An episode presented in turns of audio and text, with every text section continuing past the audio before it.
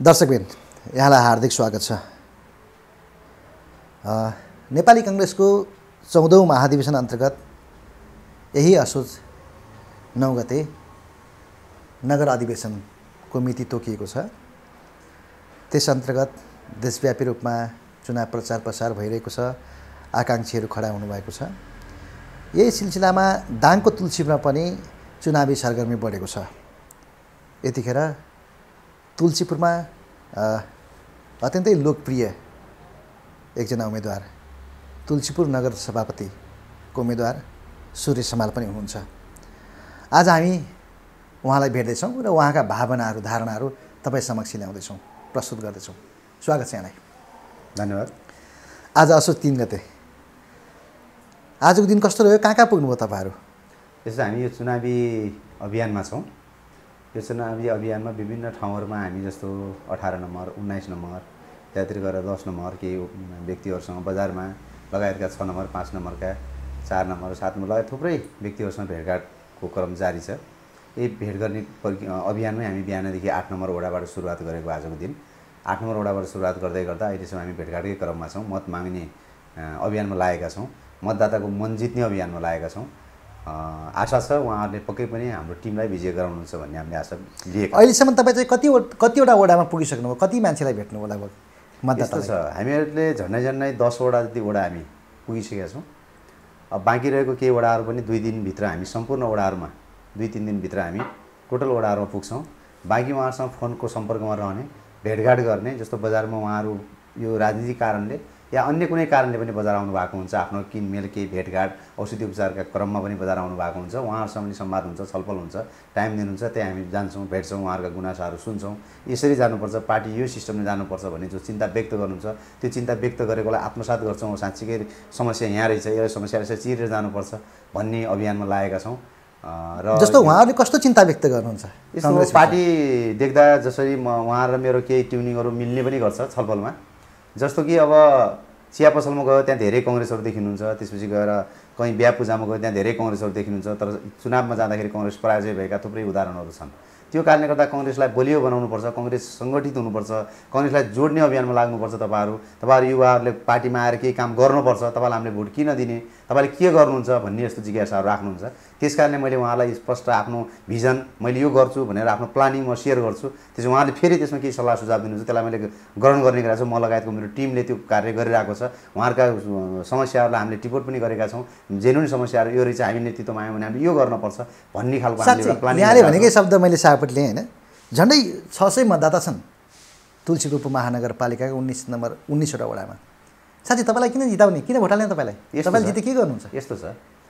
मलाई किन जिताउने त मतदाताले भन्दा ममा एउटा यस्तो दृढ इच्छा शक्ति छ यस्तो इमान्दारिता छ यस्तो लगनशीलता छ कि मैले समाजको लागि के गर्न सक्छु म यो समाजकै लागि जन्मेको हुँ जस्तो लाग्छ मलाई। अब मलाई रिस मान्ने अथवा मेरो मैले गरेका गतिविधि मन नपराउने साथीहरूको विषयमा टिका टिप्पणी गर्न चाहन्न एक दिन उहाँहरू पनि अवश्य पनि सूर्य समालले गरेको कुरा ठिक रहेछ भनेर आउनुहुन्छ भन्ने मलाई विश्वास छ किनकि म रिजल्ट कामले हो कुराले दिनु दिने होइन भन्ने विचार बोकेको व्यक्ति हुँ।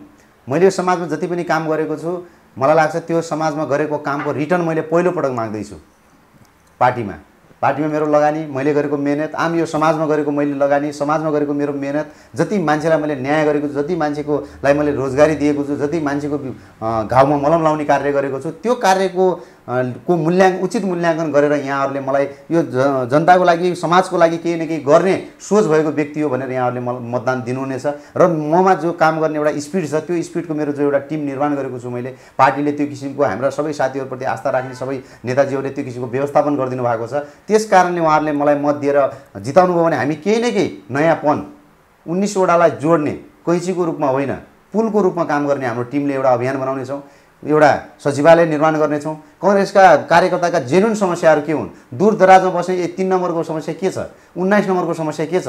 उन्नाइस नम्बरको समस्या र वडा नम्बर पाँचको समस्या एउटै छैन। यहाँ धेरै सम्पन्न छ। पाँच नम्बर यसो हेर्दा। उन्नाइस नम्बर धेरै विकट छ।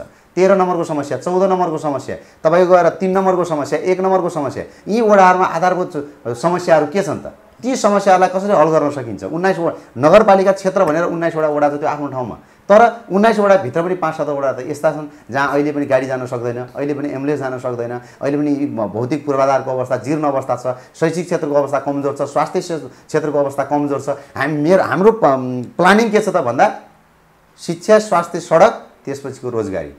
यो चारवटा कुरा नभएसम्म सभ्य समाज निर्माण हुन सक्दैन पार्टी चलायमान हुन सक्दैन कङ्ग्रेसप्रति आस्था राख्ने हामी पुरानो पार्टीका कार्यकर्ता हौँ पुरानो पार्टी हो नेपालको हरेक आन्दोलनको नेतृत्वले गरेको छ हरेक परिवर्तनको नेतृत्वले गरेको छ तर यसको बेनिफिट आम पब्लिकले पाउन सकेको छ कि छैन? गङ्गटेमा बस्ने मानिसले के बेनिफिट पाइरहेछ त देशमा लोकतन्त्र आइसकेपछि?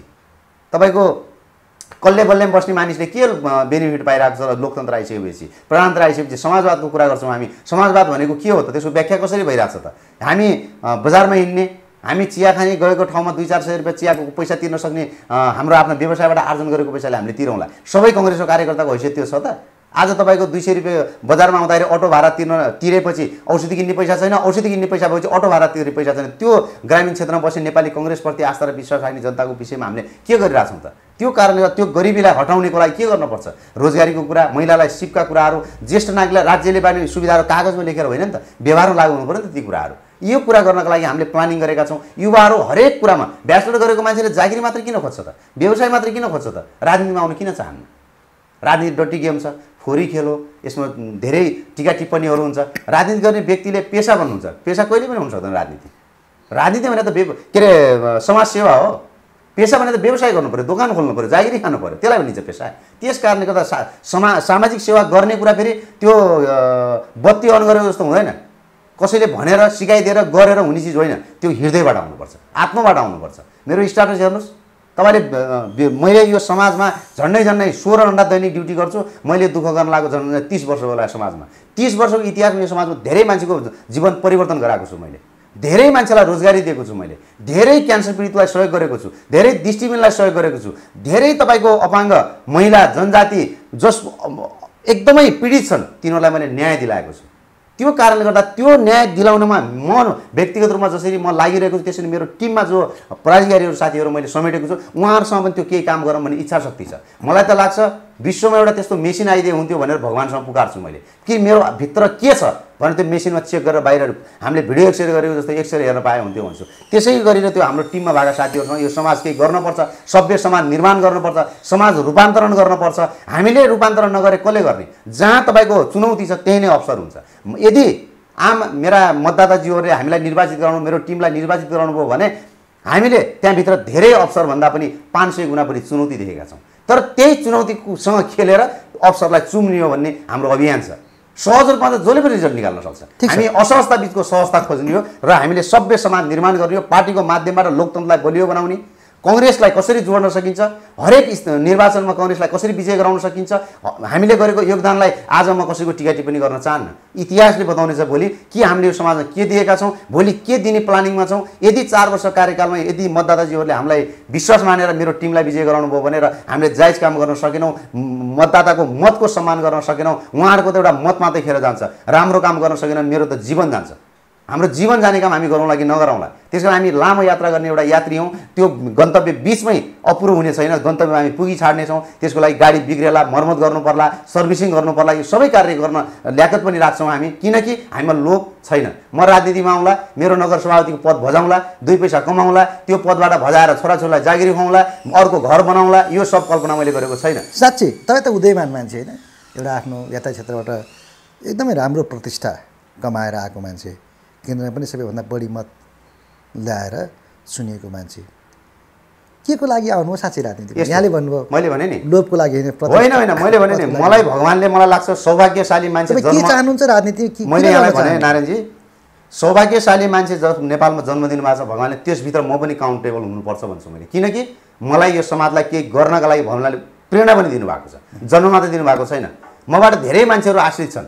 मैले गरेको म मैले सानो त्रुटि गर्दा पनि ती मान्छेको मन दुख्छ। मैले अ- थोरै खुसियाली मेरो जीवनमा आउँदा पनि ती मान्छेहरूका खुसियालीले उनको घर परिवार सुधा खुसी हुन्छ। किनकि जसले हिजो एक गिलास चियामा उहाँहरूलाई मार्केटमा कसैले विश्वास मान्दैन थियो ती मान्छेहरूका छोराछोरी अझ डक्टर इन्जिनियर परिरहेछन् तिनका छोराछोरी आज अस्ट्रेलिया पुगिरहेछन् तिनका छोराछोरीहरू आज अमेरिका पुगिरहेछन् तिनले आज बजारमा जसले एक गिलास चिया पत्याउँदैन त्यसले आज फेन्सी पसल गरिरहेछ। ऊ आज हिजो पैदल हिँड्थ्यो आज मोटरसाइकल चलिरहेछ। मैले सिकाएको बाटोमा हिँडेर। तपाईँ एउटा मात्रै कुरा भनिदिनुहोस् सूर्य समाजसँग कुनै व्यक्तिले साथी गरेर त्यो मान्छे बर्बाद भएको मान्छे एउटा मात्रै ल्याइदिनुहोस् म चुनावको दिनसम्म म भोलि नै उम्मेदवारी विड्र गरिदिन्छु त्यही त यहाँको त सबै ठाउँमा लगानी। मैले के भन्छु यो समाजमा केही दिनका लागि किन आउनुभयो त्यही म? भन्दैछु के यो समाजमा? केही दिनका लागि भविष्यमा के गर्न होइन मैले यो समाजलाई केही दिन्छु मान्छेले भन्छ बुढापाकाले समाजमा जन्मिसकेपछि मर्दाखेरि मलामी कति हुन्छ? नगर सभापति हुँदाखेरि त खासमा होइन यो त मेरो एउटा भर्याङ हो। दिनको लागि त मन्त्री हुनु सुन्नुहोस् न मलाई त्यति धेरै ठुलो मन्त्रीको आकाङ्क्षा मेरो छैन। यो भर्याङ हो एउटा खुट्किलो हो। राजनीतिको माध्यमबाट जो राजनीतिक कर्मीले गर्नुपर्ने हो नि धर्म त्यो धर्म निभाउनुमा आएको छ। राजनीतिक कर्मीले गर्ने के हो? आचार संहिता। एउटा पुलिस भर्ना हुनलाई के के चाहिन्छ? छाती कति चौडा हुनुपर्छ हाइट कति हुनुपर्छ वेट कति हुनुपर्छ कति दौड्नुपर्छ? फिजिकल्ली के के स्टाटस चाहिन्छ? यो सब चिज राजनीतिक कर्मीको हकमै लागु हुनुपर्छ। राजनीतिक कर्मी हो भन्दैमा के के गर्ने त उसले? यो समाजमा के दिने उसले? केही नदिने म त्यो दिनका लागि आएको छु। म जन्मेकै समाजको लागि जस्तो लाग्छ मलाई त। त्यस कारणले राजनीतिको एउटा माध्यम बनाएर नेपाली कङ्ग्रेसलाई बलियो बनाउने यो समाज रूपान्तरण गर्ने यो समाजमा भएका पीडा उन्मूलनहरू जस्तो दलितका कुरा गरिन्छ। दलितलाई किन तपाईँको अवहेलना गरिन्छ त? हिजोदेखि परम्परागत शैलीमा त्यो आयो त्यसको अन्त्य हुनुपर्छ। दलितले आरक्षण होइन अब दलितले खुल्ला प्रतिस्पर्धा गर्ने युगको व्य- व्यवस्था गर्नुपर्छ हामीले त्यो कल्पना गर्नुपर्छ हामीले। अहिले दुई वर्षमा त्यो लागु नहोला दस वर्षमा लागु नहोला बिस वर्षमा लागु हुन्छ। थारूलाई सधैँ जोत्नेको रूपमा हेर्न मिल्छ हामीले। थारूको मान्छे ठुलो मान्छे बन्न मिल्दैन। त्यस कारणले गर्दा यो उत्पीडनमा परेको जातीयता कुरा छ नि यसलाई पनि मुक्ति दिनु उन्मुक्ति गर्नुपर्छ हामीले। मन्दिरमा जान पाउने कि नपाउने धाराको पानी कहिले खान पाउने कि नपाउने यस्ता कल्चरहरूको विरोधमा हामी लाग्नुपर्छ। हामीले सबैलाई जोड्ने सबैको स्वाभिमान व्यक्तिको सोच जात ठुलो होइन व्यक्तिको सोच ठुलो हुन्छ। होइन बिपीले धेरै वर्ष पहिला यो अभ्यास गर्नुभएको थियो पार्टीमा। तर कङ्ग्रेस अहिले- अस्तव्यस्त। कुरा बुझ्नु भएन। बिपीका पालादेखि बिपीले कल्पना गरेका केही कुराहरू त व्यवहारमा अहिले पनि लागु भएको छ नि त। लोकतन्त्र प्रजातन्त्र बोल्न पाएका छौँ। आज तपाईँले मलाई क्वेसन सोधिराख्नु भएको छ मैले एन्सर दिइरहेको छु। हामीले यो त गरिरहेको छौँ नि त। मैले कङ्ग्रेसलाई कसरी बलियो बनाउने? यो उत्पन्नमा परेको उत्पीडित जो कङ्ग्रेसले आरक्षण खोज्छ नि आरक्षण किन खोज्छ? मेरो पहुँच भएन। मैले न्याय पाएन भनेर आरक्षण खोज्छ नि त। उसलाई न्याय दिउँ उसलाई पहुँचमा पुर्याउँ राज्यका हरेक अङ्गमा उसलाई पुर्याउँ त उसले आरक्षणको भोलि माग गर्दैन नि त। तपाईँले भनेको कुरा एकदमै ठिक छ। तर कङ्ग्रेस त एकदमै गुट उपगुटमा विभक्त छ। सुन्नुहोस् न। त्यही म भन्दैछु। तपाईँ कसरी सुधार्नुहुन्छ यो गुट र? मैले व्यक्तिगत रूपमा मैले मात्रै सुधारेर कङ्ग्रेस सुध्रिँदैन। मैले सुधार्ने प्रयत्न गर्छु। कसरी? सुन्नुहोस्। गुट जितेपछि के गर्नुहुन्छ? गुट उपगुट हुन्छ। गुट उपगुटभित्र जेनुन मान्छे को छ? चिया खाने चिया खानेको कुरा मिल्न सक्छ। त्यसभित्रमा चिनी नखानेको कुरा झन् बेसी मिल्न सक्छ। चिनी नखाने चिनी नखानेवालाको भने जस्तै गुट उपगुटमा आफ्नो कुरा मिल्ने विचार मिल्ने भेटघाट मिल्ने जस्तो कुनै साथी हुन्छ दिनमा एकपल्ट फोन नगर्दा पनि खा खाना खाएको नखाएको जस्तो फिलिङ हुन्छ। तर अर्को एउटा साथी हुन्छ फेरि पाँच महिना कुरा नगर्दा पनि फिलिङ त्यस्तो केही हुँदैन तर आत्मीयता डेली कुरा गर्ने र पाँच महिनापछि भेट हुने साथीको आत्मीयता एउटै हुन्छ। बुझ्नुभयो नि? त्यो कारणले गर्दाखेरि हामीले यो गुट उपगुटलाई अन्त्य गर्दै कङ्ग्रेसलाई बलियो बनाउने हामीले गुट भयो भने त्यो त्यो गुटभित्रको जेनु मान्छे छानौँ नि त। कुनै नेताको पछि लाग्यो भन्दैमा चुनाव जित्नै पर्ने कुनै नेताको पछि लागेपछि चुनाव हार्नै पर्ने त्यस्तो विज्ञान हुन्छ र। त्यस्तो गणितीय अभ्यास हुन्छ र। हामीले कुन नेतालाई कसैले लिगेसीमा अलिक बढी मन पराउला कति माया गर्ला कसैले भेट्ला कसैले हिजोदेखि सङ्गत गरेको कारणले उहाँलाई छोड्न नसक्ला ती सब तपसीलाई गौण कुरा हुन् तिनीहरू। हामीले त्यो भित्रको बेस्ट मान्छे खोजौँ। म बेस्ट छैन। अर्को रोज्ने अधिकार छ मतदाताजीहरूलाई किनकि नेपाली कङ्ग्रेसका क्षेत्रीय प्रतिनिधि इकाइ सभापतिले हामीलाई मतदान गर्ने हो। उहाँ आफैमा एउटा नेता हो। गाउँमा बस्नु भएको छ बजारमा बस्नु भएको छ जो जुन लेभलमा बस्नु भएको छ उहाँहरू सबै एउटा स्थानीय स्तरको नेता हो। त्यो नेताले चुन्ने व्यक्ति ठिक हुनुपर्छ कि पर्दैन पार्टी चलायमान गराउन सकिन्छ कि सकिँदैन भोलि पर्ने आधारभूत समस्याहरू हल गर्नका लागि कतिको त्यो व्यक्ति लागि पर्छ यी सब कुरा हेर्नु पऱ्यो त्यो सब कुरा हेरिसकेपछि त्यो चिज मैले दिन सक्छु जस्तो मलाई लाग्छ।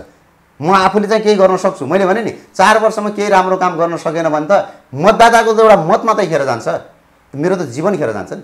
जीवन खेर जाने काम मैले किन गर्छु? मैले प्लानिङ गरेको छु। जति मैले अवसर देखिरहेको छु त्योभन्दा पाँच सय गुणा बढी चुनौती देखिरहेको छु म पदमा आउँदै गर्दा। तर त्यो चुनौतीलाई सामना गरेर चार वर्ष कार्यकालमा केही न केही परिवर्तन गरेर नेपाली कङ्ग्रेसलाई यो उन्नाइस सय वडामा जोडेर नेपाली कङ्ग्रेसलाई बलियो बनाउने अभियानमा लागेर यही रेकर्ड तपाईँले राख्नुहोस्। चार वर्षपछि मैले केही काम गर्न सकेन भने यो समाजको कुनै पनि सामाजिक पदमा मेरो उम्मेदवारी रहँदैन। तपाईँले देखेको चुनौती के हो त यो पार्टीभित्रमा तपाईँको सर्वप्रथम त हाम्रो एउटा सचिवालय नै छैन नगरको। नेपाली कङ्ग्रेस जस्तो पार्टीको कार्यालय नै छैन।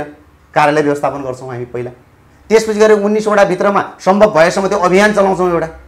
उन्नाइसै वडामा पार्टीको कार्यालय खोल्ने। अहिले पनि बैठक कहाँ भइरहेको छ त गाउँमा? अहिले मैले देखेर भइरहेको छु त। कसैले स्कुलमा गरिराख्नु भएको छ कसैले कसको घरमा गरिराख्नु भएको छ कसैले सार्वजनिक स्थलमा कुर्सी राखेर गरिराख्नु भएको छ कसैले मन्दिरको बाहिर प्राङ्गणमा गरिराख्नु भएको छ यो मैले मेरो आँखाले देखेर आएको छु नि त। मैले मेरो मनले सोच्यो यो होइन। कङ्ग्रेस जस्तो विशाल पार्टी नेपालको लार्जेस्ट पार्टी अहिले विविध अपराधी हामी पछाडि परेका हौँला। तर हाम्रो जन्म जहाँको त्यही छ। हामीप्रति आस्था र विश्वास राख्ने आम कार्यकर्ता गाउँ दूर दराजमा बसेर काङ्ग्रेसको विषयमा वकालत गर्ने कार्यकर्ताहरू जहाँको त्यही हुनुहुन्छ। त्यस कारणले उहाँहरूको भावनालाई मैले बुझेर उन्नाइस सयवटामा एउटा भवन बनाउनुपर्छ हामीले।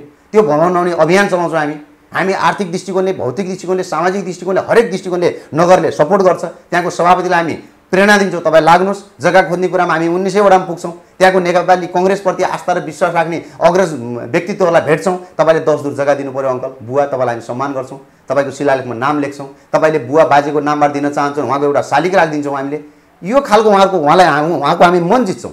मन जिते जग्गा लिइसकेपछि स्थानीय सरकार हाम्रो प्रदेश सरकार हाम्रो सङ्घीय सरकार हाम्रो हुने ती निर्वाचित कङ्ग्रेसबाट प्रतित्व गर्ने नेता गणहरूसँग हामी जान्छौँ मन्त्रीहरूसँग जान्छौँ पैसा माग गर्छौँ। यहाँ उद्योगिक व्यवसाय जो कङ्ग्रेसप्रति आस्था र विश्वास राख्ने व्यक्तित्वहरू नेपाली कङ्ग्रेसका धेरै व्यवसायहरू गर्ने साथीहरू हुन्छ उहाँहरूलाई घरमा जान्छौँ। तपाईँले दस हजार कङ्ग्रेसको भवनको लागि तेह्र नम्बरको लागि दिनु पऱ्यो सत्र नम्बरको लागि पाँच हजार दिनु पऱ्यो एउटासँग एउटा वडाको लागि माग्छौँ अर्कोसँग अर्को वडाको लागि माग्छौँ। हामीले त्यहाँबाट माग्छौँ केही स्रोत हामी स्वयं जुटाउँछौँ केही मागेर जुटाउँछौँ तर भवन बनाउने अभियान हामी चलाउँछौँ। त्यो भवन बनाउने अभियानमा हामी कति सफल हुन्छौँ कति सफल हुँदैनौँ त्यो कुरा भोलि हाम्रो काम गर्ने शैली हामीले त्यहाँ गर्न सक्ने मेहनत त्यसमा पनि भर पर्छ। त्यो कारणले गर्दाखेरि यो चुनौतीको सामना गर्नलाई हामीले के गर्नुपर्छ? स्थानीय स्तरमा हाम्रो प्रतिनिधि जित्नुपर्छ। प्रदेश सरकारमा हाम्रो प्रतिनिधि जित्नुपर्छ। सङ्घीय सरकारमा हाम्रो प्रतिनिधि जित्नुपर्छ। उद्योगिक व्यवसाय कङ्ग्रेसमा परेका आधारभूत समस्याहरू त्यो आधारभूत समस्याहरूलाई हल गर्नका लागि हामीले उहाँहरूका जेनुन मागहरूलाई राज्यद्वारा सम्बोधन गराउनुपर्छ। उहाँहरूको मन जित्नुपर्छ। मन जितिसक्यो भने उहाँहरूले हामीलाई दिल खोलेर द जहाँ हामी गएर दस हजार रुपियाँ भवन बनाउनलाई दिनु पऱ्यो हजुर सात नम्बरको लागि भन्दै जाँदा दस मेरो नाममा पन्ध्र लेखिदिनुहोस् भन्ने प्रेरणा जगाउने कार्य गर्छौँ हामी। उहाँको मन जित्छौँ हामीले। हामीले उहाँलाई कन्भिन्स गर्छौँ दसैँमा अलिकति थोरै खर्च भयो बढ्यो भनेर सम्झिनुहोस्। तिहारमा भैलीहरू दुई तिनवटा बढी आयो भनेर सम्झिनुहोस्। तर तपाईँहरूले आफूले जेनुन गर्ने खर्चलाई थोरै कटौती गरेर पनि हाम्रो भवन निर्माणमा सहयोग गर्नुहोस् भन्ने अभियान चलाउँछौँ हामी। क्रियाशील सदस्यबाट बिस पचास रुपियाँ उठाउनु पर्ने हुन्छ कि? सामान्य स्रोत आय स्रोतै नभएकोसँग नउठाउने बाँकी आय स्रोत भएकोसँग उठाउन सकिने अभियान हुन्छ कि? कङ्ग्रेसको हरेक पदाधिकारी साथीहरूसँग पैसा उठाउने एउटा सामान्य जस्तो म लायन्स र रोटीको पनि पढक म हामीले त्यहाँ पनि अभियान चलाउँछौँ। कुनै प्रोजेक्ट आयो भने प्रत्येक मेम्बरले यति उठाउने सभापतिले यति बढी दिने भन्ने हामीले त्यहाँ नियम बनाउँछौँ। त्यस्तै नियम पार्टीभित्र पनि बनाउँछौँ हामीले। पार्टीभित्र जसले गर्न सक्नु जसको आय आर्जन छैन कङ्ग्रेसप्रति आस्था छ काङ्ग्रेसप्रति जन्म छ कङ्ग्रेसप्रति लाग्नु भएको छ जीवन्त उहाँले कङ्ग्रेसलाई दिनुभएको छ तर सुरु आय स्रोत उहाँहरूको कमजोर छ। उहाँले पैसा दिन सक्नुहुन्न। भने उहाँहरूलाई हामीले के भन्छौँ? तपाईँले गएर भवन हेरिदिनु पऱ्यो त्यहाँ गएर भवनमा पानी चारेको छ कि छैन राम्रोसँग त्यो हेरिदिनु होला। त्यहाँको इट्टा कसैले चोरिदिएला एउटा त्यो चौकीदारी गरिदिने काम तपाईँले गरिदिनु होला। त्यसलाई संरक्षण गर्ने काम तपाईँले गरिदिनु होला भनेर हामीले उहाँलाई त्यो जिम्मेवारी दिन्छौँ। आर्थिक भार हामीले उहाँलाई पार्दैनौँ। जसले दिन सक्नुहुन्छ व्यवसाय गर्नुहुन्छ उहाँलाई के भन्छौँ फेरि? कङ्ग्रेसको सङ्गठन उहाँले बनाइराख्नु भएको छ तपाईँले व्यापार गरेर पैसा कमाइराख्नु भएको छ। सङ्गठनको लागि हामीले भवन बनाइरहेको छौँ त्यस कारणले तपाईँले पाँच हजार रुपियाँ दिनुपर्छ। यसरी हामीले उहाँलाई कन्भिन्स गर्छौँ। उहाँ कन्भिन्स पनि हुनुहुन्छ। ठिक छ। यहाँको कुरा नकार्न मिल्ने ठाउँ छैन। भन्छन् मान्छेहरू अब ठुलो रोगको ओत लागेपछि एक झरी पानी पनि ओत्छ भन्छन्। तर अहिले के भन्न थालेका छन् भन्दाखेरि सानो मान्छेहरूले अथवा कङ्ग्रेसका कार्यकर्ताहरूले गाउँघरमा बस्ने गरिब निमुखा इमान्दार कार्यकर्ताहरूले पार्टीमा स्थान पाउन छाडे पाउन छोडे होइन। व्यापारी उद्योगहरूको बोलबाल हुन थाले पार्टी भन्न थालेका छन् यसलाई यहाँले कसरी लिनुभएको छ? म तपाईँलाई भनौँ म राउत गाउँमा जन्मेको मान्छे। तत्कालीन नेगुली गाविस वडा नम्बर तिन हालको दङ्गी चरण तिनमा जन्मेको मानिस हुँ। गाउँको समस्या के हो किसानको समस्या के हो गरिब जनताले दैनिक रूपमा भोगिरहेको समस्या के हो त्यसको जानकार र त्यसको स्वयं भोगेर आएको व्यक्ति हुँ म। त्यस कारणले गर्दा गाउँको गरिबीसँग खेलेको व्यक्ति हुँ म।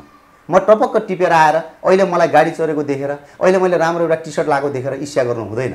यो गर्नका लागि मैले आफ्नो जीवन दिएको छु।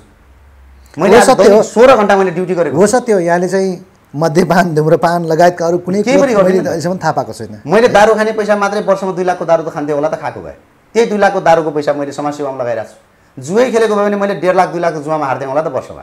त्यही जुवा खेल्ने बचेको पैसा मैले समाजसेवामा लगाइरहेको छु। मैले व्यापार गर्ने मैले कन्सेप्ट पहिला बनाउँछु प्लानिङ यो व्यापारमा दुई पैसा कमाउन सकिन्छ। भन्ने प्लानिङ गर्छु मेरा साथीहरूलाई कन्भिन्स गर्छु।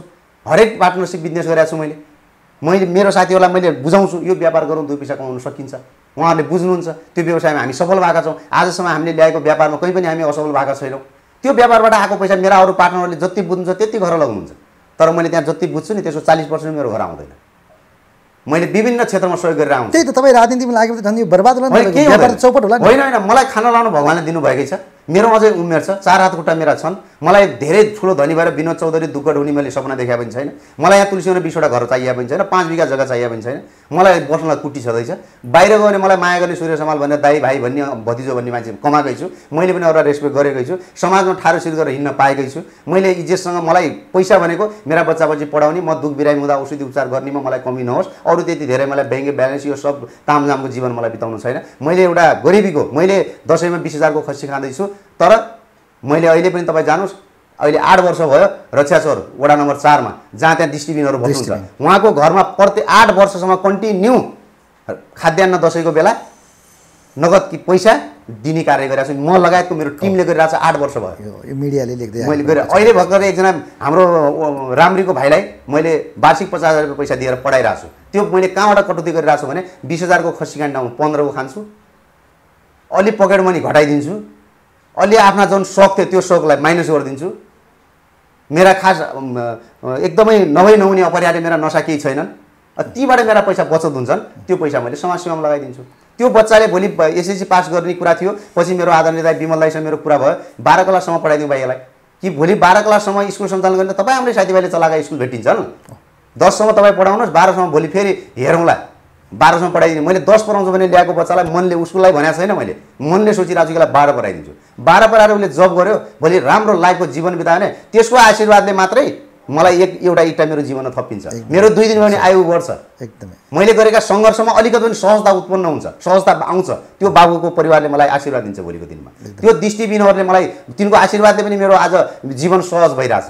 उनीहरूले पनि मलाई सम्झिन्छ दसैँमा मैले मात्रै घरमा मासु खाएर मैले मात्र राम्रो कपडा लाएर हुँदैन नि त। भनेर त्यो दलित एउटा दृष्टिबिन परिवारलाई मैले किन हेरिरहेको छु त? मैले हेर्नुपर्ने दायित्व म न कोही यहाँको मेयर मान्ने हुँ न म यहाँको वडा अध्यक्ष हुँ न म यहाँको ठुलो टप व्यापारी हुँ होइन नि त? व्यापार बि- भित्र पनि म काउन्टेबल हुँदिनँ राजनीतिकै भित्र पनि म काउन्टेबल हुँदिनँ तर मसँग के छ? इच्छा शक्ति छ। मैले यो समाजलाई केही गर्नुपर्छ भन्ने मन छ। मन छ नि मसँग म जस्तो मन भएको। हो त। म जस्तो मन भएको जस्तो तपाईँको भूकम्प गयो बहत्तर सालमा। भूकम्पको बेला यहाँबाट बिस्कुट र पानी चाउचाउ भुजा लिएर काठमाडौँ गएको व्यक्ति हुँ म। कोभिडको बेला तपाईँले देख्नुभयो सत्र सय मानिसलाई हामीले खाना खुवायौँ। प्रत्येक गाडीभित्र चढेर ल तपाईँहरू जानुहोला भाडा नतिर्नु होला। यो गाडी निशुल्क व्यवस्थापन भएको छ। यहाँको मेयर साहब घनश्याम पाण्डेज्यूले थोरै डिजलको व्यवस्था गरिदिनु भएको छ। सल्यानको मेयर साहब सुरेश अधिकारीले गरिदिनु भएको छ। सन्तोष केसीजीले गरिदिनु भएको छ। लोकमान बुढाथोकीजीले गरिदिनु मानवा डाङ्गीले गरिदिनु भएको छ। भनेर सल्यान र रोल्पा रुकुममा हामीले त्यसरी मान्छे पठायौँ। त्यो हाम्रो दायित्वभित्र पर्थ्यो त। होइन सुरेश समाज सेवाको लागि गरे सुरेश समालले पार्टीको कार्यक्रममा पनि थुप्रै गाडी घोडाहरू पठायो सबै पार्टीलाई सुन्नुहोस् न मैले अहिले कुन पार्टी? बेसी गाडी मैले कङ्ग्रेसको कार्यक्रममा पठाएको होला। अन्य पार्टीहरूले पनि आशा राख्नुहुन्छ। मैले दस गाडी कङ्ग्रेसलाई पठाउँदै गर्दा दुई गाडी एमाले लगायो होला एक गाडी माओवादीले लगायो होला एक गाडी रापरपाले लगायो होला एक गाडी जनमोर्चा लगायो होला। तर कङ्ग्रेसको कुन कार्यक्रममा मैले सहयोग गरेको छैन? ल भन्नुहोस्। मैले सहयोग गरेँ त्यस कारणले पद दिनुपर्छ भनेर काङ्ग्रेससँग माग्न कहिले गएको छु? आजसम्म कुनै पद मागेको छु मैले? पहिलोपटक कङ्ग्रेसको लोकतान्त्रिक सिस्टमभित्र म चुनाव लड्दैछु तपाईँहरूले मलाई सहयोग गर्नुहोस्। पार्टीमा म केही योगदान गर्न चाहन्छु। पार्टीको माध्यमबाट समाज रूपान्तरण गर्न चाहन्छु। यो कङ्ग्रेसलाई बलियो बनाउने अभियानमा लाग्छु। मैले कङ्ग्रेसको पद पाएर पद भजाउँदिनँ पद बजाएर पैसा कमाउँदिनँ। गलत काम गर्दिनँ। भने कमिटमेन्टका साथ मैले उम्मेदवारी दिएको छु। यदि मैले गलत गरेँ नारायणजी तपाईँले यो सेभ गरेर राख्नुहोस्। जुन दिन गलत गरेको तपाईँले फिलिङ हुन्छ त्यो दिन यो भिडियो पुनः रेकर्ड गरेर देखाइदिनुहोस्। त्यही दिनबाट मैले यो राजनीतिबाट मात्रै होइन सामाजिक रूपमा कुनै पनि पद नखाने घोषणा गर्छु मैले। किनकि मलाई पदमा गएर पैसा कमाउनु छैन। पदमा गएर मैले कुनै आफ्नो नाम इज्जत मान कमाउनु छैन। किनकि म राउदोमा जन्मेको मान्छे हो मैले फेरि पुनः दोहोऱ्याउन चाहन्छु। मसँग सँगै पढेका साथीहरू अहिले पनि गाउँमा एक रुपियाँ पानी म्यारिज खेलिरहेछन्। अहिले पनि सामान्य गाउँले जीवन बिताइरहेछन्। भने उनीहरूले पनि त सूर्य हामीसँग सँगै पढेका साथी हो प्रगति त गऱ्यो भन्छ। तर उनीहरू पनि मसँग सँगसँगै सङ्घर्ष गरेको भए त एउटा लेभलमा त उनीहरू पुग्थ्यो होला नि त। मैले त मैले भने म त सङ्घर्षको भट्टीबाट आएको व्यक्ति हुँ। मैले आफ्नो जीवनमा जति दुःख गरेको छु सायद त्यो कसैले कल्पनै गर्न सक्दैन। त्योभन्दा पनि कुलतमा कहिले पनि फसेन होइन? सङ्घर्ष पनि गरेँ म सामान्य जीवन। मैले एउटा बस किनेर बसको यात्राबाट जीव आफ्नो व्यवसाय सुरु गरेँ। अन्य सानसाना व्यवसायमा मैले लगानी गरेँ। त्यो लगानीबालीले मलाई बेनिफिट दियो। म लगानी गर्नुभन्दा पहिला धेरै सूक्ष्म अध्ययन गर्थेँ। यो व्यवसाय आजको मार्केटले खोजिरहेको छ कि छैन? मार्केटमा व्यवसाय सस्टेन हुन्छ कि हुँदैन? लगायतको भिजनको बनाएर मैले साथीहरूलाई कन्भिन्स गरेर आज जति पनि पार्टनर छु नि त म मेरा साथीहरू किन प्रगति गरिरहेछन् त? ठिक छ अब काङ्ग्रेसको मार्केटले के खोजिरहेको छ त आज? यस सुन्नुहोस्। कङ्ग्रेसले परिवर्तन खोजिरहेछ कस्तो परिवर्तन? परिवर्तन भनेको संस्थागतको परिवर्तन व्यक्तिको परिवर्तन होइन। संस्थागत परिवर्तन। भनेको समय अनुकूल हामी परिवर्तन हुन सिक्नु पर्यो। आज तपाईँको पूर्व मेची टु महाकाली राजा महेन्द्रले बनाइदिएको सडकमा हामी हिँडिरहेको छौँ नि त। अहिले मेरो आफ्नो कुरा के छ? अहिलेको हाम्रो वर्तमान सरकार नेपाली कङ्ग्रेसको नेतृत्वमा छ नि त। शेरबहाद देउपाले नै पूर्व मेची महाकाली फोर लेन सडकको शिलान्यास गर्नुपर्छ भन्ने कुराको आवाज उठाइरहेको छु मैले। त्यो कुरा कति कहिले लागु होला यो सरकारले सुन्ला नसुन्ला त्यो त सब तपसिलो कुरा हो। भने कङ्ग्रेसले जेन्युन कुराहरू। आम कङ्ग्रेसको कार्यकर्ताहरूले ढुक्कसँग भन्न सकोस् न हर्नेटीमा बस्ने कङ्ग्रेसको कार्यकर्ताले हाम्रो सरकारले यो गर्यो।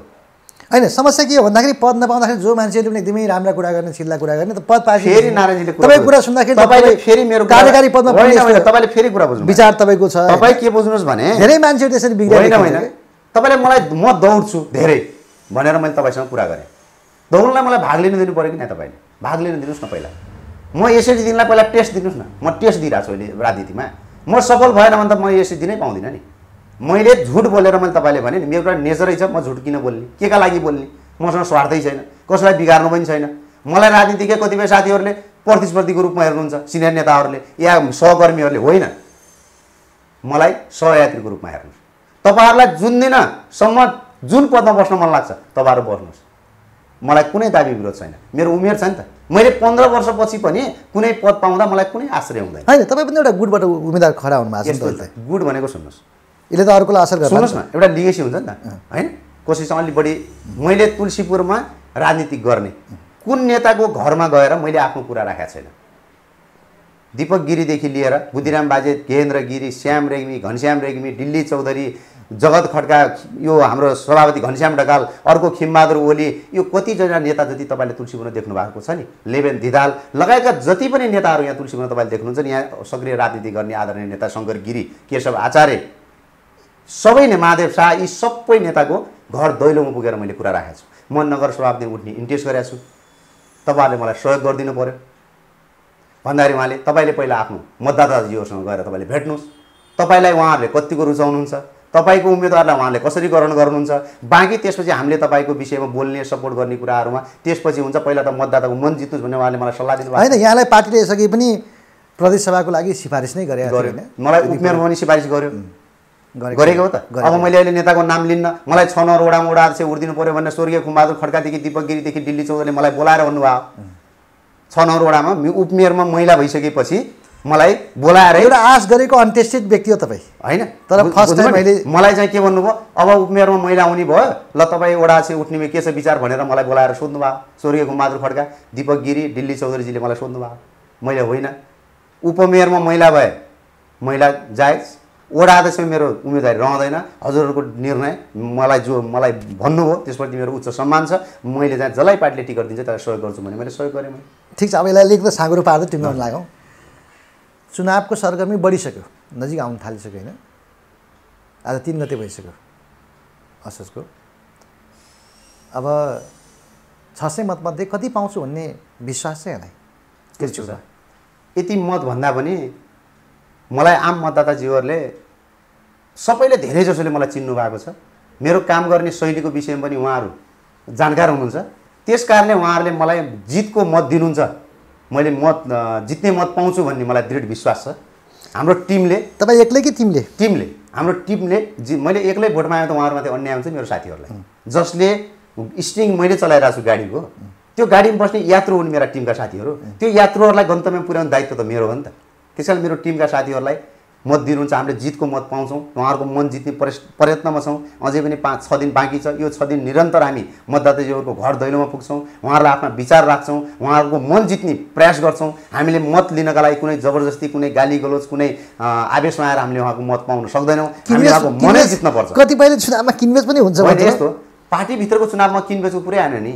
किनबेच कसलाई गर्ने? क्षेत्रीय प्रतिनिधि भनेको आफ्नै एउटा नेता हो। नेतालाई मैले किनेर दुई हजार पाँच हजारमा किनेर भोट दिन्छ उसले मलाई। मैले त्यो काम गर्ने किन फेरि? जसले जिते पनि कङ्ग्रेसले जित्ने हो नि त अहिले। त कङ्ग्रेसभित्रको लोकतान्त्रिक पद्धति हो नि त यो। को- लोकतन्त्रको सुन्दर पक्ष भनेको ब्युटी भनेकै के हो त भने निर्वाचन हो। त्यो निर्वाचनमा आन्तरिक प्रतिस्पर्धामा छौँ हामी। कहिलेसम्म? बक्सा थाप्नको दिनसम्म। त्यसको भोलिपल्टबाट हामी के छौँ? सहयात्री हौँ फेरि हामी। होइन एकदम यहाँले भनेको कुरा सत्य हो। राजनीतिमा थाई दुश्मन र थाई मित्र कोही पनि हुन्न भन्छन् होइन? अब अहिले राजनीतिमा हेऱ्यो भने जस्तै फेरि मेन चाहिँ समझदारी आफै समझदारी निर्वाचन नगराएर सर्वसम्मतिमा नेतृत्व चुन्न सम्भव देख्नुहुन्छ यहाँ? यस्तो छ। अग्रज नेताहरूले त्यो परिकल्पना गर्नुभयो र त्यो परिकल्पना साकार हुने अवस्था भयो। र मेरो कारणले मात्रै त्यहाँ अड्डियो भने सबभन्दा पहिला सेक्रिफाइस गर्ने व्यक्ति सूर्य समालै हुन्छ। किनकि म समाजमा लिनका लागि होइन दिनका लागि जन्मेको व्यक्ति हुँ त्यहाँ पनि म दिएरै देखाइदिन्छु। त्याग गरेर देखाइदिन्छु। मैले जहाँ जिम्मेवारी लिन्छु लाइन्स र रोटरीको अध्यक्ष भएँ कोभिडमै अध्यक्षको जिम्मेवारी लिएको कोभिडमै मैले पद पद हस्तान्तरण गरेँ तर मैले केही न केही रचनात्मक काम त्यहाँका पूर्व अध्यक्ष र मेरा मेम्बर साथीहरूले जुन किसिमको सपोर्ट गर्नुभयो मलाई केही न केही रचनात्मक काम गरेको छु मैले इतिहासले मलाई सम्झिन लायक काम गरेको छु मैले त्यो संस्थाहरूमा। यातायातमा पनि मैले धेरै परिवर्तनहरू गरेको छु यो अहिले राज्यको जो सिस्टम आयो यदि त्यो सिस्टम नआएको भए यातायात व्यवसायले साँच्चीकै एउटा असल नेताको रूपमा मलाई परिचित गर्ने अवस्थामा मैले यातायात व्यवसायलाई पुर्याएको थिएँ। तर राज्य नै लागिसक्यो कोभिड लाग्यो भूकम्प लाग्यो नाकाबन्दी लाग्यो यो सब कारणले गर्दा मैले सोचे जतिको रिजल्ट निकाल्न सकिनँ। मेरा व्यवसायहरूले मलाई निर्विरोध अहिलेसम्म म यातायातमा यहाँको स्थानीय यातायातमा म चुनाव लडेको छैन। सधैँ मलाई निर्विरोध पद दिनुभएको छ। केन्द्रमा म चुनाव लडेँ उपमहासचिव लड्दा पपुलर मत दिएर जित्नु मलाई भोट हाल्ने को हुनुहुन्थ्यो प्रत्येक संस्थाको अध्यक्ष सचिव उपाध्यक्ष लेभलका व्यक्तिले मलाई भोट हालेको हो। भने म मैले केही काम गरेका कारणले दुई कार्यकाल सचिव चलाएँ एक कार्यकाल केन्द्रीय सदस्यमा यातायातमा त्यही कारणले त मलाई दिनुभयो होला। त अहिले पार्टीले मलाई केन्द्रीय सदस्य बनाएको छु यातायात विभागको। ममा केही क्वालिटी देखेर यसले केही गर्न सक्छ यातायातमा लागेको ठुलो एउटा जागिर खाएको त अहिले मेरो खातामा पेन्सन आउँथ्यो त। यो जीवन मैले चौबिस वर्ष यातायातमा बिताएको छु। त्यस कारणले गर्दा यातायात विभागमा मलाई केन्द्रीय सदस्यको जिम्मेवारी दियो। म प्रदेशको संयोजक छु अहिले। पार्टीको हामी यातायात व्यवसायको शुभेच्छा संस्था नेपाल प्रान्तीय राष्ट्रिय यातायात व्यवसाय सङ्घको संस्थापक सहसचिव हो म अहिलेको वर्तमान केन्द्रीय सचिव हो म मैले पार्टीले मलाई जिम्मेवारी दिएकै छ त।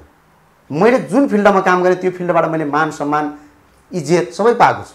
किन पाएको छु भन्दा मेरो लगनसित मेरो इमान्दारिता निरन्तर पानी खोला बगेको जस्तो बगेको बगेको छु नि त म आफ्नो उसमा रोडम्यापमा म लागेको लागेको छु नि त त्यहाँ। विश्राम लिएको छैन नि त। त्यस कारणले राजनीतिमा पनि म त्यसै गरी जोडिएर समाज रूपान्तरण गर्ने सभ्य समाज निर्माण गर्ने युवाहरूलाई प्रोत्साहन गर्ने महिला दिदीबहिनीलाई सिप विकासका कुराहरू गर्ने ज्येष्ठ नागरिकहरूले राज्यबाट पाउने आधारभूत सेवा सुविधाको कुरा कागजमा होइन व्यवहारमा लागु हुनुपर्छ भन्ने। यी ज्येष्ठ नागरिकहरू अहिले स्थानीय स्तरमा हामीले जति रेस्पेक्ट हामीले जति माया र उहाँहरूलाई परेका बेला समस्या तपाईँले अहिले कोभिडको भ्याक्सिन लगाउने कुरा छ नि? धेरै जसो मान्छेको घर घरमा मैले आफ्नो चर्नी पर्सनल गाडी पठाएर दसजना नेता यहाँको स्वास्थ्यकर्मी साथीहरूलाई फोन हानेर भ्याक्सिन लगाउन मैले सहयोग गरेको छु। म स्थानीय प्रतिनिधि होइन नि त। त्यो गर्नका लागि। मैले आफ्नो पर्सनल बाइक युज गरेको छु। मैले पर्सनल मेरो चढ्ने गाडी दिएर भ्याक्सिन लगाउन पनि पठाएको छु भ्याक्सिन लगाएर फेरि घरमासम्म ल्याउने कार्य गरेको छु। त्यो कार्य कसैले मलाई गर भनेर मलाई प्रेसर दिए हो र मेरो भावनाले त्यो कुरा भन्यो। मैले यस्तो सङ्कटको बेला केही गर्नुपर्छ भनेर मैले गरेँ। ती व्यक्तिहरूको आशीर्वादले पनि त लागिरह होला त मलाई। ठिक छ यहाँले अघि प्रश्न पारिसक्नुभयो होइन। मेरो कारणले सर्वसम्मतिमा कुनै समस्या पर्छ भने सबैभन्दा पहिला सिग्नेचर गर्छु भन्नु मैले नै गर्छु। अब राज यो निर्वाचनलाई एकदमै सरल सहज सौहार्दपूर्ण बनाउन। यहाँको तर्फबाट के भूमिका यस्तो छ। हामी पार्टीभित्रको आन्तरिक प्रतिस्पर्धामा छौँ। यसलाई सहज रूपमा लिनुपर्छ मेरो कारणले कहिलेर समस्याहरू आएको अर्को पक्षलाई अर्का अर्को उम्मेदवार साथीहरूलाई कहिले फिलिङ भयो भने दस कदम पछाडि म हट्छु भन्ने प्रतिबद्धता व्यक्त गर्न चाहन्छु। मेरो नाम मसँग लाग्ने दुईजना बेसी मान्छे म चिया पसलमा गएँ पाँचजना साथीहरूले बसौँ बसौँ भन्नुहुन्छ। इच्छा गरेर हुन्छ त नारायणजी कसैले। त्यो मैले मन जितेको छु त बाबा पाँचजनाको। यो त पहिलेदेखि तपाईँको वरिपरि मान्छेहरू पाँचजना साथीहरूले यता बसौँ यता चिया खाउँ यता पानी खाउँ भन्नुहुन्छ। त्यसको इच्छा गरेर हुन्छ त। माया गर्न नपाउने घरमा गएर मान्छेहरूले यो बिचमा भनिसके। के पन्ध्र सोह्रवटा गाडी कुदेछन् सूर्यसम्म अब सुन्नुहोस् भने? अब सुन्नुहोस् मसँग दुईवटा गाडी छ। एउटा मेरा साथीहरू चढ्नु भएको छ एउटा म स्वयं चढेको छु। दुईवटा गाडीमा दुइटै गाडी नि शुल्क आएको छ। हाम्रो यहीँ तुलसीपुरकै साथीहरूले तेल हामीले हालेका छौँ। चुनावको दिनसम्म दस गतेसम्मलाई उहाँले गाडी लैजानुहोस् भनेर दिनुभएको छ। त्यसलाई के भन्नुहुन्छ तपाईँ? अब पन्ध्रवटा गाडी तुलसीपुरमा कहाँ हिँडाउने? गा गाडीको नम्बरसहित मलाई भोलि न्युज बनाइदिनु न। पन्ध्रवटा गाडी जो साथीले भन्नुभयो उहाँलाई गाडीको नम्बर त होला नि त नम्बर बिना गाडी त दौड्दैन होला। नम्बरसहित भनिदिनु। हो यस्तै कुराले गर्दा मलाई पीडा के मानेमा हुन्छ भने मैले दिन आइरहेको छु। मैले यो समाजमा रूपान्तरण गर्न खोजिरहेको छु। यो समाजलाई यति धेरै चिज मैले लगानी गरेको छु। ल भन्नुहोस् त। कहाँ कुन क्षेत्रमा मैले यो समाजको लागि केही गरेको छैन? सङ्कटको बेला अन्य बेला होइन। तपाईँको घरमा सुख हुँदा नारायणजी म गएको छैन। तपाईँको घरमा खुसियाली हुँदा म गएको छैन। तर तपाईँको घरको दुःख हुँदा म अवश्य गएको छु। मलम लगाउने कार्यमा मैले सहभागिता जनाएकै छु। भने तपाईँले मलाई सम्झिने तपाईँले मलाई माया गर्ने कुरामा अर्को साथीले इच्छा गर्न मिल्छ? तपाईँको घरमा राम्रो काँक्रा फल्यो भने सबभन्दा पहिला सुरेश दाईलाई खुवाउन पाए हुन्थ्यो भन्नुहुन्छ। अर्का लिस्ट गरेर हुन्छ? मन जितेको छु मैले तपाईँको। त्यो काँक्रा खाने अधिकार छ त मलाई। नारायण भाइको मन जितेर खाएको छु। जबरजस्ती गएर काँक्रा दिने बेच्यौ न त तिमीलाई भोलि केटा लगाएर पिटाउँछु पुलिस कहाँ पक्राउँछु जेल हाल्छु भनेको छु र मन जित्न त पाइयो त। म मन जित्ने अभियानमा छु। मान्छे कमाएको छु। मलाई लाग्छ मर्दा मलामी कति हुन्छन् भने त्यसको थाहा हुन्छ अरे। अवश्य पनि मेरो मलामी धेरै हुन्छन् भन्ने मैले कल्पना गरेको छु। तडक भडक रहित रहि निर्वाचन। केही छैन यसमा। मैले तडकबाट गर्नुपर्ने अवस्थै छैन। किन? आम मतदाता विवेकशील हुनुहुन्छ। उहाँहरूले आफ्नो मत जाहेर गर्ने हो। त्यो मत मलाई दिनुहुन्छ भन्ने मैले आफ्नो विश्वास लिएको छु। उहाँहरूको मन जितेको छु जस्तो मलाई फिलिङ हुन्छ। यदि मैले जित्न सकिनँ भने पनि उहाँहरूप्रति सम्मान प्रकट गर्छु। फेरि मन जित्ने अभियानमा लाग्छु। अझै मेरा त्रुटिहरू रहेछन् भने सच्याउने अभियानमा लाग्छु। अझै राम्रो बेस्ट गर्ने प्रयास गर्छु। मैले जसरी हुन्छ चुनावमा जित्नै पर्छ भन्ने सोच मैले राखेको छैन। प्रतिस्पर्धीलाई कसरी हेर्नु भएको छ प्रतिस्पर्धी मेरा सहकर्मी साथीहरू हुनुहुन्छ। होइन अनिल भाइ एउटा राजनीति फिल्डबाट आउनु भएको छ। अर्को शोभाकर सरको नाम आइरहेको छ शोभाजी र म सँगै राप्ती भूमि क्याम्पसमा त्रिपन्नको हामी सोभ्यूमा उहाँ उसवादी म कोषाध्यक्ष भएर काम गरेको एउटा टिमका साथी हौँ। बिजनेसमा पनि शोभाकरजी र म एउटा कुनै बिजनेसमा हामी पार्टनर पनि हौँ। मलाई लाग्छ शोभाकरजीलाई पार्टीका नेताहरूलाई मैले कुरा राखेको छु। जसरी हुन्छ शोभाकरजीको व्यवस्थापन गरिदिनुहोस्। उहाँलाई र म चुनाव लड्ने दिन नआओस् र मेरो कल्पना पनि छैन शोभाजीसँग चुनाव लड्ने। रह्यो अनिल भाइको कुरा। अनिल भाइ विद्यार्थी राजनीतिबाट आउनु भएको छ। पार्टीमा निरन्तर लागिराख्नु भएको छ। उहाँप्रति मेरो उच्च सम्मान छ। भाइ र भाइलाई पनि कहीँ व्यवस्थापन हुनसक्छ। निर्विरोध रूपमा मलाई छोडिदिनुहोस् भन्ने आग्रह गर्छु। यदि मिल्दैन भने उहाँलाई निर्विरोध रूपमा छोड्नलाई सबै नेताहरू सहमत हुनुहुन्छ भने मैले अघि पनि तपाईँलाई भनिसकेँ। म सबभन्दा पहिला सिग्नेचर गरिदिन्छु। मेरो कारणले चुनाव हुँदैन। मैले भनिसकेँ। उहाँहरूलाई प्रतिस्पर्धीको रूपमै बुझाएको छैन मैले त उहाँलाई सहयात्री साथी त्यसो केही छैन कि? मैले जिताउने उहाँले आश्रय मान्नु पर्दैन। उहाँले जिताउने मैले आश्रय मान्नु पर्दैन। पार्टीभित्रको चुनाव हो। अपोजिसन पार्टीसँग चुनाव लडेको भए अलि बढी मैले जोस जाँगर देखाउँथेँ होला। ओहो यो त जित्नै पर्छ। म त अपोजिसन पार्टीसँग चुनाव लडिरहेको छु। यहाँ पार्टीको कुरा छ इज्जतको कुरा छ भन्थ्यो मलाई त। पार्टीभित्रको सिस्टम हो। लोकतान्त्रिक? लोकतान्त्रिक सिस्टम हो। पार्टीको मैले जिताउने कङ्ग्रेस जित्ने हो उहाँले जिताउने कङ्ग्रेस जित्ने हो। लोकतन्त्रको सुन्दर पक्ष हो यो। होइन? त्यस कारणले आम अ, मतदाताजीवहरूले आफ्नो विवेक प्रयोग गर्नुहुन्छ। त्यो विवेक प्रयोग गर्दा म छोड्नुमा परिनँ भने त मेरै कमजोरी रह्यो। मैले मन जित्न सकेको रहन्छु। अझै समाजमा मैले के गर्न सकेको रहन्छु भन्ने फिलिङ गर्छु नि मैले। अन्त्यमा मैले सोध्न छोडेको अन्त्यमा सर्वप्रथम त। तपाईँ मिडिया चलाइराख्नु भएको छ। समाजलाई सूचित गर्ने तपाईँहरू अभियानमा हुनुहुन्छ। तपाईँहरूले जुन समाजमा राम्रो गर्ने मान्छेहरूलाई प्रोत्साहन गर्नुभएको छ गलत काम गर्ने मान्छेहरूलाई औँला ठेउने करेक्सन गर्नुभएको छ गलत औँला ठेराउनु भएको छ गलत गर्ने मान्छेलाई सच्याएर फेरि राम्रो गराउने अभियानमा तपाईँहरू लाग्नु भएको छ। तपाईँहरूबाट समाज डराउने पनि गर्छ र तपाईँहरूलाई समाजले सम्मान पनि गर्छ। त्यो कारणले तपाईँहरूको यो मिडियाको उत्तर उत्तर प्रगतिको कामना गर्न चाहन्छु। मेरा विचार राख्ने अवसर दिनुभयो यहाँहरूलाई धन्यवाद दिन चाहन्छु। आमा मेरा मतदाताजीहरूलाई म हार्दिकतापूर्वक के अनुरोध गर्न चाहन्छु दसौँलाई जोडेर भने तपाईँहरूले एकपटक मलाई विश्वासको मत मेरो टिमलाई दिएर देखाउनुहोस्। म तपाईँलाई जीवन दिएर देखाउनेछु। मैले गलत काम गर्ने छैन भने प्रतिबद्धता व्यक्त गर्न चाहन्छु।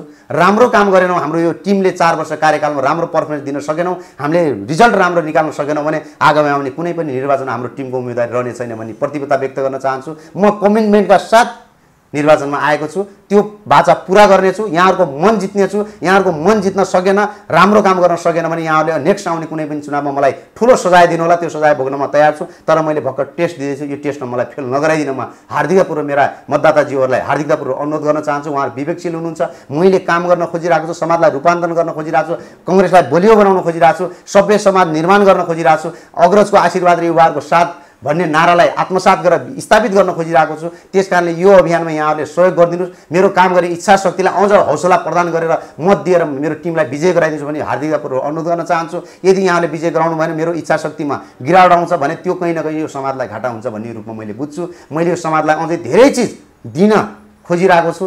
यो राजनीति माध्यमबाट समाजलाई केही न केही परिवर्तन गर्न खोजिरहेको छु। मैले यो जीवन मैले अघि पनि यहाँलाई पटक पटक त्यही शब्द दोहोऱ्याइरहेको छु। भगवान्ले जन्म नै मलाई यो समाज परिवर्तनका लागि यो समाजमा केही दिनका लागि गराएको व्यक्तिगत जीवन भन्नुहुन्छ भन्दा मलाई खान लाउनु पुगेकै छ। अघि पनि भने मलाई ठुलो हुने कुनै सौक पनि छैन। सामान्य जीवन बिताएको छु। म घरबाट निक्लिँदा मलाई चारजना दाई हाई भाइ हलो भन्ने साथीहरू कमाएको छु। म कहीँ दुःख पर्दा मेरो फल्तीमा एक रुपियाँ नभए पनि आज घरबाट निक्लेर म नेपाल भुटुल घरै पुगेर आउन सक्छु। धेरै साथीहरू कमाएको छु। मसँग सँगै बसेर खाना खाँदा साथीहरू खुसी हुनुहुन्छ। मसँग सँगै बसेर चिया खाँदा साथीहरू खुसी हुनुहुन्छ। ती साथीहरूको मन जितेको छु। त्यसै गरी म मतदाताजीवहरूको मन जित्ने अभियानमा छु। एकपटक मलाई तपाईँहरूले मतदान दिएर मेरो काम गर्ने क्षमतालाई तपाईँहरूले एकचोटि नजरअन्दाज गरिदिनुहोस् हेरिदिनुहोस्।